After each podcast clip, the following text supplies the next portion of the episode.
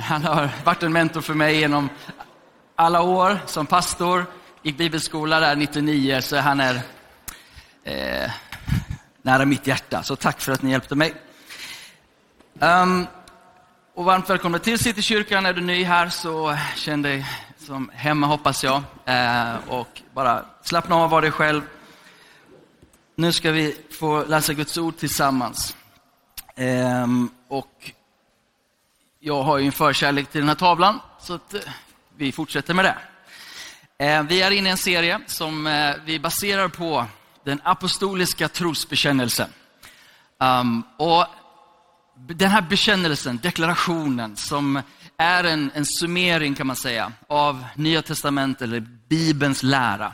Det är liksom alltihopa ner eh, skruvat så mycket man kan liksom, till några få rader.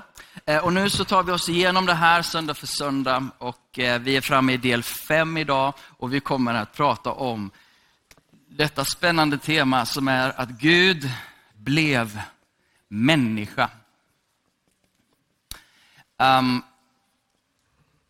det är eh, baserat på hur, hur, det står i apostoliska trosbekännelsen så här. Jesus som blev avlad av den helige ande. Han föddes av jungfru Maria. Han led under Pontius Pilatus, korsfästes, dog och begravdes och steg ner till dödsriket. Och sen fortsätter det och uppstod igen på den tredje dagen. Och det talade vi om förra söndagen, eller Marie-Louise gjorde det. Ehm, så vi kommer inte ta det här helt exakt i ordning. Men det här, att han blev avlad av den helige ande, född av jungfru Maria. Han led under Pontius Pilatus, korsfästes, dog och begravdes och steg ner i dödsriket. Summeringen av de orden blir att Gud blev människa. Och Det här är det fantastiska med vårt budskap, med den kristna tron. Det är att Gud är inte långt borta, utan Gud är nära. Att Gud blir som en av oss. Vi tror inte på en Gud som vi avlägset tillber, men en Gud som är oss nära. Äh, det, det, det vänder upp och ner på hela vår, vår tillvaro, för det är inte längre vi som kämpar oss upp till Gud, utan Gud har stigit ner till oss. Att Gud, att Jesus blev som en av oss, så att vi kan bli lik honom. Jesus blev lik oss, så att vi kan bli lika honom. Eh, det är det stora i det här och jag ska bryta ner det här i tre områden. Eh, vi fortsätter på den eh, vägen tänker jag. Och Det första vi kommer att prata om det är att Gud blev människa, att han föddes. Vi kommer att prata om att han levde. Och sen att han dog. Och som sagt, om du vill höra fortsättningen får du gå tillbaka en söndag i tiden eh, och lyssna på hur han uppstod igen och hur uppståndelsen bekräftar storheterna i de här tre delarna.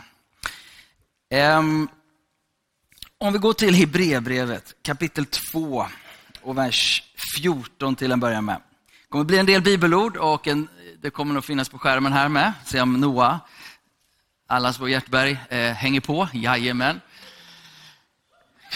Ja, vi är så glada för alla tekniska kunniga människor som hjälper oss varje söndag. Eh, så då står det så här, när nu barnen, och det syftar på människorna, hade fått del av kött och blod, tog han själv på liknande sätt del av detta. För att genom sin död göra den maktlös som hade makt över döden, alltså djävulen. Och befria alla dem som av rädsla för döden levt i slaveri hela sitt liv. Det är inte änglar han tar sig an, utan Abrahams barn, alltså människorna. Därför måste han bli lik sina bröder i allt, för att bli en barmhärtig och trogen överstepräst inför Gud och sona folkets synder. Genom att han själv har fått lida och blivit frestad kan han hjälpa dem som frestas. Okej, den första delen här handlar om att han får del på ett liknande sätt, på samma sätt. Han blir en av oss. Han blir fullt ut människa. Fullt ut människa. Och det mm, magiska, det kanske inte var rätt ord, men eh, märkliga och det vi upptäcker i Jesus, det är att han är fullt ut människa samtidigt som han är fullt ut Gud. Vi möter en person i Jesus Kristus som har, vad teologerna säger, två naturer. Han är fullt ut Gud, samtidigt är han fullt ut människa. Och det är det vi säger, att Gud blev människa. Han antog mänskligheten. Han klädde sig fullt ut i mänsklighet. Så att han fullt ut kan frälsa människan. Han tar sig an allt. Han vandrade som oss. Han levde som oss. Han tuggade som oss och gick på toaletten som oss. Han var fullt ut människa så att han fullt ut kan frälsa allt som har med oss att göra. Det finns ingenting i oss som inte Gud har full närkontakt med. Och det innebär att allt du går igenom, din vandring, din ångest, din depression, din sjukdom, din, utmaning, allt det har sonen haft närkontakt med. Inte på det sättet att han själv levde ut det. han hade närkontakt med det. Och Det innebär att han kan vara, som vi läste, en överste präst som står där och medlar för oss, som har fullt ut medlidande med oss. Känna full barmhärtighet med oss. Vi har inte en Gud som är långt borta, vi har en Gud som är närvarande. Gud blev människa. Ehm, och hur blev han det? Då står det att han blev avlad av den helige, helige ande. Och ibland så kanske vi inte stannar upp inför det där. Men hur viktigt det är att denne Jesus, som Nya Testamentet pratar om den andre Adam. Och idag blir det lite, lite teologiskt undervisande. Jag hoppas att du hänger med, annars får du kolla igen. Men Nya Testamentet beskriver Jesus som den andra Adam. Okay, finns det en andra Adam så finns det en första Adam. Och den första Adam skapades i, i den första trädgården, i den första skapelseberättelsen. Och Gud formade Adam ur mineralerna ur jorden. Den andra Adam formas inte på det sättet, utan formas i Marias moderliv. Där planteras, formas den andra Adam och föds som fullt ut människa. Och det är viktigt, därför att nu håller Gud på att modellera en ny mänsklighet. Gud håller på att skapa en ny, ska vi kalla det gjutform. Du vet gjutformer, man ska formgjuta någonting så skapar du en, en, eh, ett original liksom, var, var är du, du sen häller, om det är metall eller någonting. Och så tänker du det är en form, en gjutform som har blivit skadad. Och så fortsätter du och gjuter utifrån den här skadade gjutformen. Det är den första Adam.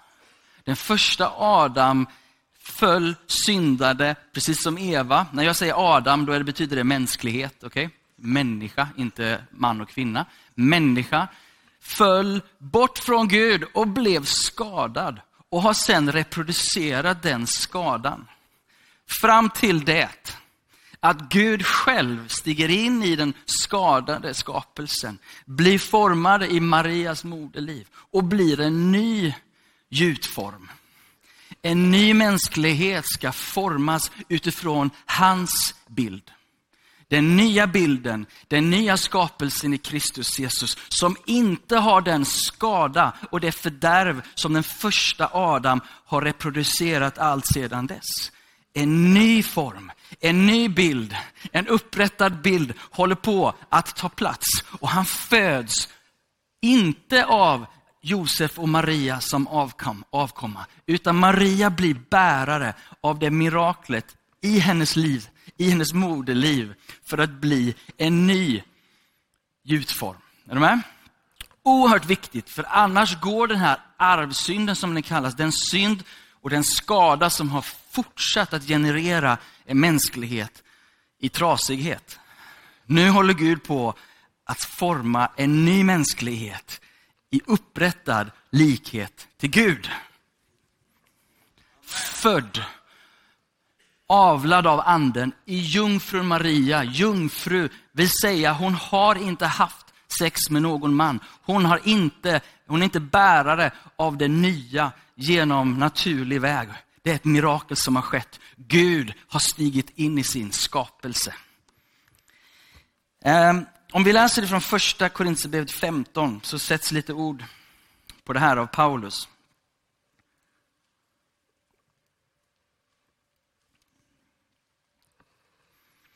Den första Adam, den, först, förlåt mig, den första människan kom från jorden, av jord.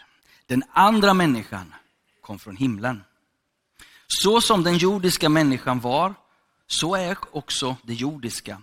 Och så som den himmelska människan är, så är också de himmelska. Är inte det oerhört vackert?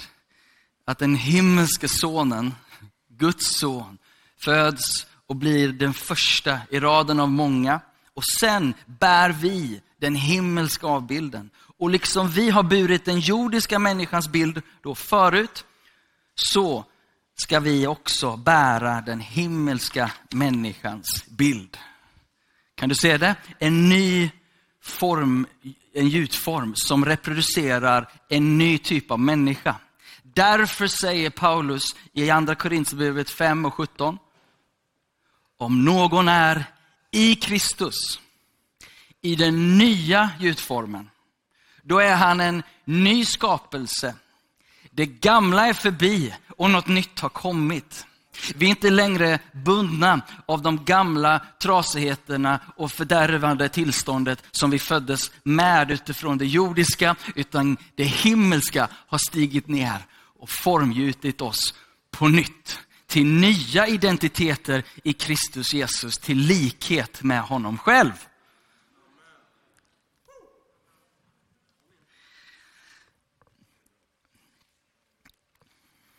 Det är för att omforma oss, men också för att den Jesus är på väg hit. Han ska dö och han ska möta döden. Och han måste göra det fläckfri. Oskyldig ska han dö.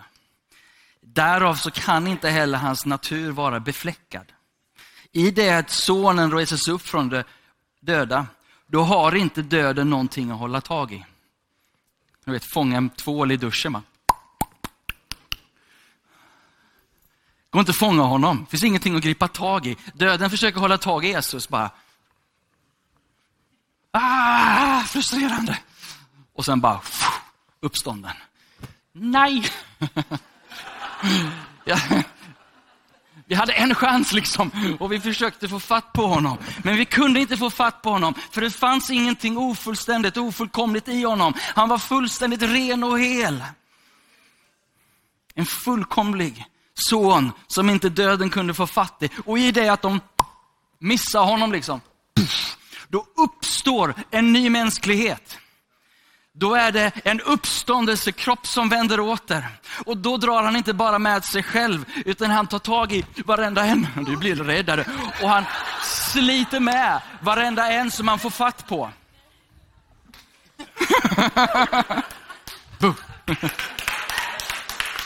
Han drar med, han får med oss, han, han sitter ett med oss. För han är fullt ut människa, han är fullt ut den andra Adam, fullt ut tillsammans med dig och mig. Döden kunde inte hålla honom och därför kan inte döden hålla dig. Döden är besegrad. Ditt kött och mitt kött har fått bli ett med hans kött. Och om vi blir begravda med honom, så som en död som hans i dopet, så ska vi också leva det nya livet tillsammans med honom i den uppståndelsekraft som han uppväcktes från de döda, får vi nu leva i. Är du inte döpt, så behöver du bli det. Först tro på Jesus. Ge ditt liv till Jesus. Ge ditt liv till han som föddes och levde och dog i ditt ställe. Han är sannerligen uppstånden, så allting är sant.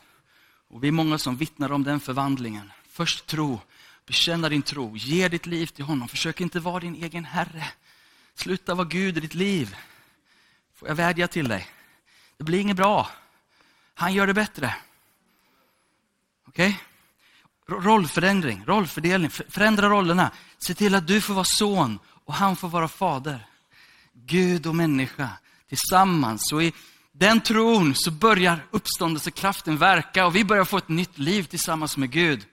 Och sen så begraver vi det gamla och så säger vi finito det gamla, ja till det nya. Så en ny start i mitt liv. Jag är nyformad, omformad till den enda sonens bild. Yes. Det får du vara med om i dopet. Det får du vara med om när du och jag lutar oss på Jesus Kristus istället för oss själva. All right? Så det som är viktigt här då, fullt ut människa, men han är fortfarande fullt ut Gud. Okej? Okay? Vi, vi, vi, glömmer, för det finns en risk i att när vi betonar Jesu mänsklighet så gör vi det på bekostnad av hans gudomlighet och tvärtom. Vi orkar hålla två tankar i huvudet parallellt. Liksom. Han är Gud som blev människa. Um, för det faktum är att det, fakt det är så att det, det, det vilar på det, för det är bara Gud som kan rädda sin skapelse. Skapelsen kan inte rädda sig själv. Därför är det så viktigt att Gud är intakt i den bemärkelsen att han lämnar inte sin gudomlighet där uppe heller. Okej? Okay? Han är lite som, jag försökte fundera på något som man ens kan förstå det här. Det, det kan man inte. Men jag blir påminn om det här med kvarkfysik, nej kvantfysik heter det, eh, från Nobelpriset. Det är ju helt makalöst att två partiklar som är åtskilda varandra påverkar varandra till synes helt utan samband. Att det som händer här påverkar det som är där, där borta. Och de snurrar och du vrider den åt det hållet så börjar den snurra åt samma håll. Och det här är bara det fysiska som man kan bli snurrig. Men för Gud, i den andra dimensionen så finns inte tid och rum så som vi befinner oss. Så det är bara, vi får ha med oss det i att Jesus är fullt ut Gud, fullt ut människa. Eh, vad är det jag vill säga mer här? Jo, fullt ut Gud, om vi går till första Johannes 1 och 1. Så hämtar aposteln Johannes liksom speglingen från de första verserna i Bibeln, där det också står i begynnelsen skapade Gud. Men här står det, i begynnelsen var ordet, med stort O. Ordet, alltså ett begrepp, det är inte ordet som med litet o, det är ett begrepp, var ordet. Och ordet var hos Gud och ordet var Gud. Han var i begynnelsen hos Gud och allt blev till genom honom. Och utan honom blev ingenting till av det som är till. Ordet som aposteln Paulus lånade härifrån de grekiska eh, filosoferna och stoikerna, de hade en idé om att det fanns ett allvetande i universum som de kallade för logos. Så han lånar sin samtids språkbruk och säger han, ja det där som ni anser vara logos, ungefär det, men det är Gud. Och Gud, om du går till vers 14 i samma kapitel, och det ordet, det allvetande, här, tankens kraft och allt det här liksom opersonliga. Nej, det ordet har blivit kött. Det har blivit människa. Och det bor, har bott mitt ibland oss. Vi såg hans härlighet. Den härlighet som den enfödde, alltså Jesus, har från Fadern. Han var full av nåd och sanning. Okay? Ordet blev kött. Gud blev människa. Och, eh, och, och, och, jag vill bara ta ett bibelord till ifrån samma person, Johannes. Ifrån andra brevet av Johannes. Så han har skrivit ett evangelium och sen så har han skrivit tre brev som finns i Nya Testamentet. Och I det andra brevet, kapitel 1 vers 7, så säger han så här. Det är ganska raka ord. Det finns många bedragare som har gått ut i världen. Och lyssna. De som inte bekänner att Jesus är Kristus, och det här gick vi igenom för några gånger sedan, att Jesus är Messias, är det som står där. Jesus är den som uppfyllde alla löften i den gamla testamentets tid. Han är Messias eh, som kommit i köttet, som blivit människa. De som inte bekänner det, de följer bedragaren, antikrist. Se till att ni inte förlorar det vi arbetat för, utan får full lön. Den som går vidare och inte blir kvar i Kristi lära har inte Gud. Den som blir kvar i hans lära, han har både Fadern och Sonen. Om någon kommer till er och inte har med sig denna lära, ska ni inte ta emot honom i ert hem. Alltså i er huskyrka, man samlades och hade gudstjänst i hemmen. eller hälsa honom välkommen. För ungefär, det här är ett gift. Det här att påstå att Jesus, att Gud inte blev fullt ut människa, underminerar hela frälsningen. Ni har inte längre med Gud att göra, nu har ni med Antikrist att göra. Det är liksom supertydligt. Det finns några punkter Nya Testamentet är supertydligt på och det här är en av dem. Gud, Gud, Jesus är fullt ut Gud och fullt ut människa. Um, Okej, okay, vi går vidare. Han levde, och det här blir en lite kortare punkt. För jag vill ha lite tid för korset där borta, han dör. Eh, Apostlagärningarna 10.38 säger så här. Hur Gud smorde Jesus från Nasaret. Och det är bara intressant att det står Jesus från Nasaret. Det betyder att det här är, en, är någon som är från någonstans. Det här är en människa. Han är från Nasaret. Var är Paul ifrån? Han är från Göteborg. Jajamän, jag är född i Hammarkullen, uppvuxen i Sandeslätt. Okej, okay? så jag är från Göteborg. Okej? Okay? Jag är inte från himmelen, men nästan. Eller hur ska vi säga det? men Jesus han är från Nasaret. Ja. Och, och han är, vi vet att han är himmelsk, men han är också från Nasaret. Och eh, den, den Jesus var smord med den heliga ande och kraft. Och därför så gick han omkring och gjorde gott och botade alla som var i djävulens våld. För Gud var med honom. Poängen med det här är att han lever sitt övernaturliga liv. Så gör han det smord av den helige ande. Jesus gör inte miraklerna för att han är Gud, utan han är människa. Smord. Smord betyder, många saker kan det betyda faktiskt. Vänta, människa smord av anden skriver jag. Det kan betyda utvald, eh, men, det, men det har med, med smörjelse att göra, det har med olja att göra. Och I det här sammanhanget handlar det om att få förmåga, kraft att göra det han gjorde. Han hade övernaturliga, övernaturlig kraft ifrån den helige att göra det han gjorde. Poängen är det här, att levde ett liv som vi kan följa. Han levde ett liv i det övernaturliga som vi kan följa. Det är lätt att tappa sin kristologi och tänka, ja men han är så mycket Gud, så vi inte kan följa honom längre. Är ni med? Det är så lätt att göra en upphöjd Kristus, vilket han är, han är skaparen, men att tappa honom som vårat exempel. Det blir en distans, ja, men han var Gud, därför gjorde han allt, allt han gjorde. Ja, ja, men han var Gud, men det han gjorde, smord av den heliga ande, det är, gjorde han för att gestalta ett exempel.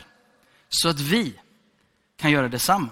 Johannes 14 och 12 säger, jag säger i sanningen att den som tror på mig ska göra de gärningar som jag gör. Och större än så ska han göra, för jag går till Fadern. Och vad ni än ber om i mitt namn ska jag göra, för att Fadern ska bli förhärligad i Sonen. Om ni ber om något i mitt namn, så ska jag göra det. Okej? Okay? Så Jesus gjorde allt han gjorde för att gestalta ett hur, ett liv, något att följa, inte i vår egen kraft, men i den heliga Andes kraft. Okej? Okay? Så vi har närkontakt med den här mästaren. Vi har närkontakt med hans exempel. Vi får följa Jesus. Vill du veta vad en normal kristen ser ut, hur det ser ut? Se på Jesus. Han är den mest normala kristen som någonsin levt. Eller hur? Mm, så är det. Sista angående det här med att han levde så som oss. Vi går till brevbrevet 4 och 15.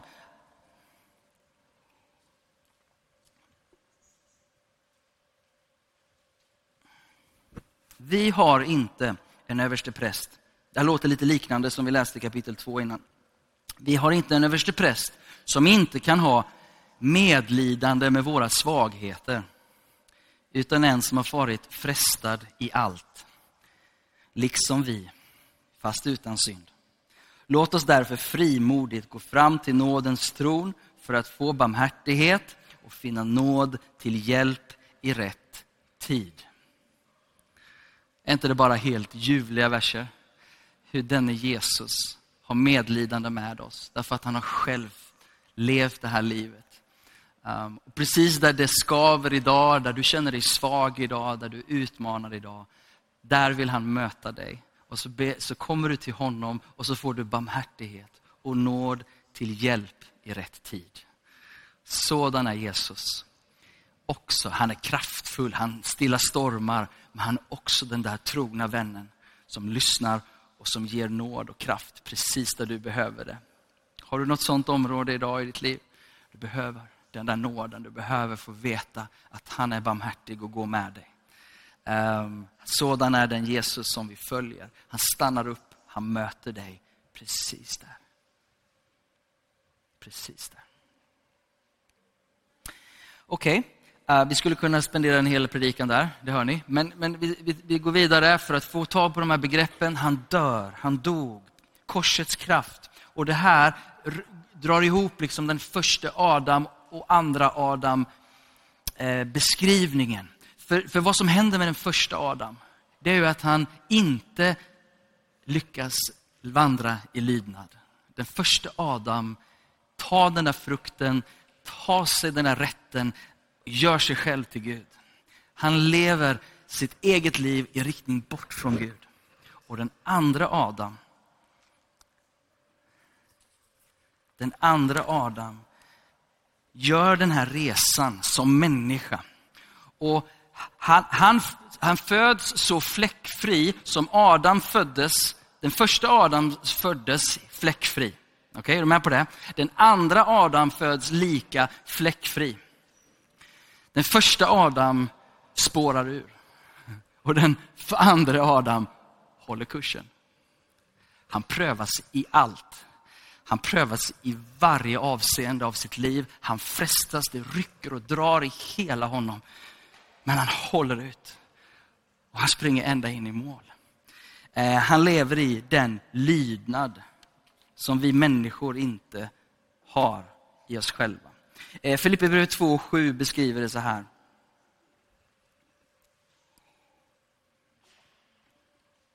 Jesus utgav sig själv han tog en tjänares gestalt och blev människan lik. När han till det yttre hade blivit som en människa. Kom ihåg det? De två naturerna, han är fullt ut Gud fortfarande, men till det yttre så är han fullt ut människa. Han ödmjukade sig. Han blev lydig ända till döden. Döden på korset. Och det, och det här, jag vet inte riktigt om, du, om jag kan lyckas sätta ord på det här. Men jag har länge funderat på vad är det som gör att det är på korset som han besegrar mörkrets makter? För jag, jag tänker någonstans att ja, men uppståndelsen, då liksom, halleluja, nu så sparkas dörren upp liksom och nu är det seger. Men Kolosserbrevet 2, 14 där, 13, 14 säger att på korset så triumferar han över mörkrets makter. Triumfando. Halleluja. Det är, jag lyssnar på spansk lovsång ibland. Det är ju underbart alltså. Marcos vits när han kör igång på Kolosserbrevet där. Käre Jesus. Ja, i alla fall. Men det är på korset han triumferar över mörkrets makt. Och jag fattar inte hur det går ihop. Hur livets herre, urtidens herre, dör. Och då vinner han. Har du funderat på det? Mm. Jag vet inte om jag är helt rätt på bollen. Men jag tänker så här. It makes sense in my head at least. I mitt huvud stämmer det. får, får se det här. Men det som händer det är att han är lydig hela vägen upp på korset. Han dör. Människan lever i lydnad inför Herren. Fullt ända in i mål. Det som djävulen har lyckats vrida till i slutklämmen eller någonstans på vägen och lyckas hålla tag i honom. Men denna gång, den andra Adam, han springer ända in i mål och han faller inte, utan han lever i lydnad. Och i den stunden han springer i mål i fullständig lydnad, det är då djävulen tappar taget om oss. Det är då det mänskliga köttet inte längre är under hans förbannelse. Han dog lydig, han dog som ett felfritt offerlamm. Det fanns ingenting som gick att anklaga honom för. Fullt ut ren så står han där i döden. Oskyldigt anklagad, oskyldigt dödad och mörkrets makter har ingen makt över honom. Han har fullständigt triumferat över dem.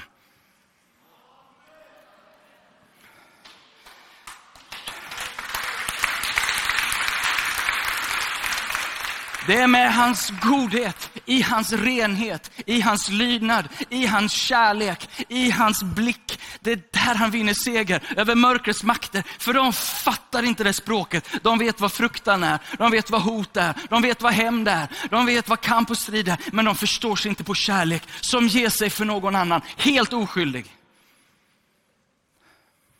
Kärleken triumferar. Kärleken triumferar den dagen på grund av att Jesus Kristus, den andra Adam, han faller inte målsnöret utan han går ända in i döden för din och min skull. Och där bara stängs makten för djävulen. Han har, inte en, han har ingenting kvar att hålla tag i.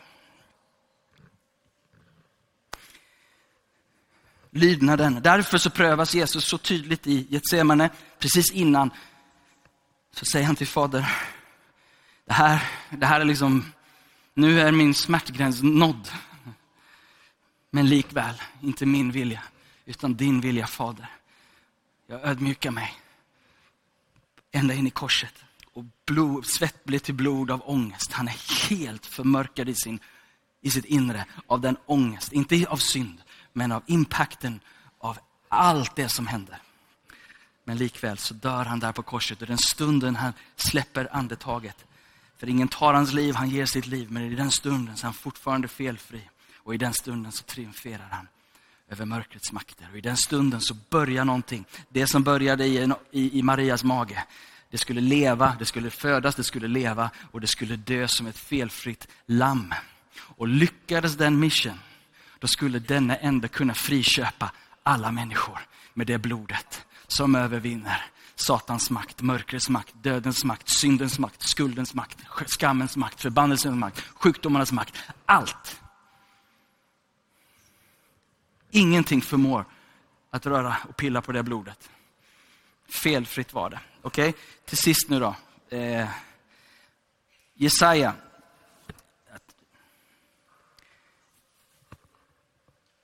Femtiotre.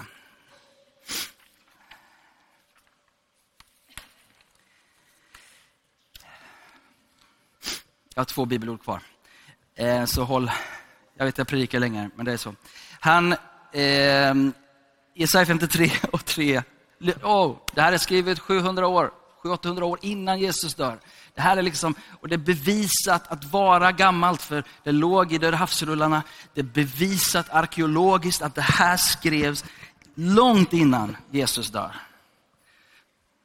Han var föraktad sägs det övergiven av människor. Det här är profeten som ser det här framför sig. En smärtornas man och förtrogen med lidande. Han var som en som man skyler ansiktet för.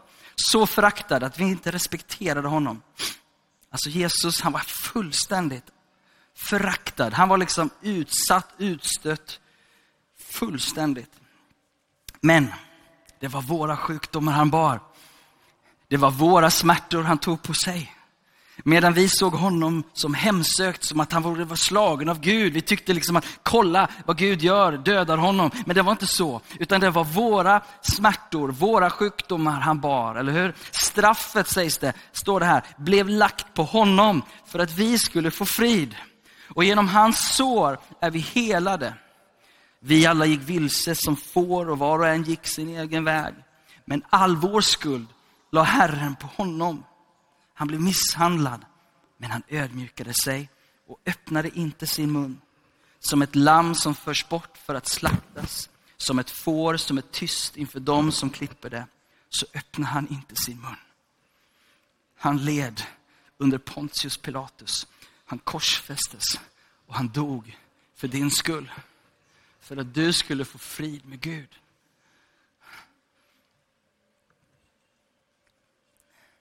Han tog själv straffet. Gud sände inte någon annan. Gud stiger själv ner. Låt inte nidvisorna liksom få dig att tro att Gud liksom sänder sin son och låter honom ta straffet. Nej, det är Gud själv som stiger in och tar straffet på sig. Det är Gud själv som tar det. Det är Gud själv som stiger ner i den skapelse som vi har pajat. Men han tar skulden, straffen, skammen och konsekvenserna på sig själv. Han var fullt ut människa och han tog straffet på sig själv. Ingen annan kunde göra det. Han tog konsekvenserna helt och hållet på sig själv. Och sen vet vi, det som Marie-Louise predikade förra söndagen, det som liksom bevisade, det som, som sätter sigillet på det och säger att det här har hänt, det är att han uppstår igen på den tredje dagen. Döden kunde inte hålla tag i honom som vi har sagt.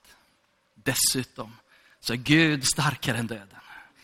Men det räcker faktiskt inte, om jag får uttrycka mig så, det räcker inte bara att Gud är starkare än döden. Det behövdes en människa som var fläckfri, som var en andra Adam och en ny gjutform. Är du med? Annars kunde Gud bara gått in och liksom cancellerat och fixat till det. Men det behövdes en ny människa. Det behövdes en ny identitet. En ny identitet i Kristus. Okay? Eh, vi ska då landa här nu då. Okej? Okay? Eh, vi ska landa i Andra Korinthierbrevet 15 och 21.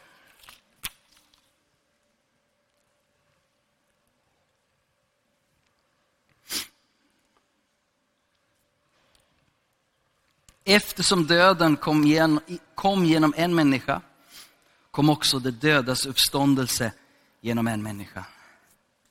Liksom alla dör i Adam, så ska också alla göras levande i Kristus. Ibland, kan man, ibland har jag funderat på det här, liksom, hur kommer det sig med Adam och Eva, liksom, första människorna föll och sen har det, liksom, vi fått leva i det, hur schysst är det då? Vi fick inte den chansen. Ja, men Gud vänder på det också. Och med en människa så vänder han tillbaka den. Han säger inom denna ände så behöver inte längre döden regera, utan nu kan uppståndelsekraften få leva. Den första Adam ledde människan till död, den andra Adam ledde människan till liv. Den första Adam ledde till förfall och förlust, den andra Adam leder till upprättelse och seger. Den andra Adam leder till upprättelse och fullständig seger. Det är den tro vi har, som gäller varenda person i det här rummet och ni som lyssnar över nätet. Inbjuden att ta emot en uppstånden Kristus. Att ta emot uppståndelsekraft. Kan vi göra så att vi står upp tillsammans? Och lovsångarna får komma och den här tavlan kan vi plocka ner. Fullt ut, människan.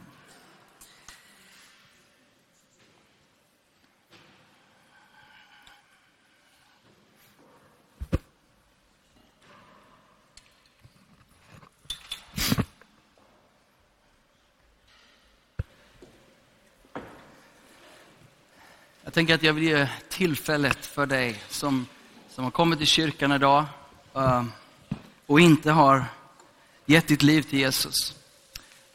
Så ditt liv är fortfarande i dina händer. Och du gör så gott du kan och Gud välsigne dig i det. Men du kan få släppa taget om jaget och låta Gud vara Gud i ditt liv. Få vara i trygga händer, vara i Faderns händer. Du behöver inte vara slav, du behöver inte vara under olika plågoandar, över olika laster, utan det finns någon som vill sätta dig fullt fri. Han heter Jesus. Och jag skulle så gärna vilja introducera dig till ett nytt liv tillsammans med Jesus. Kan jag få den micken istället?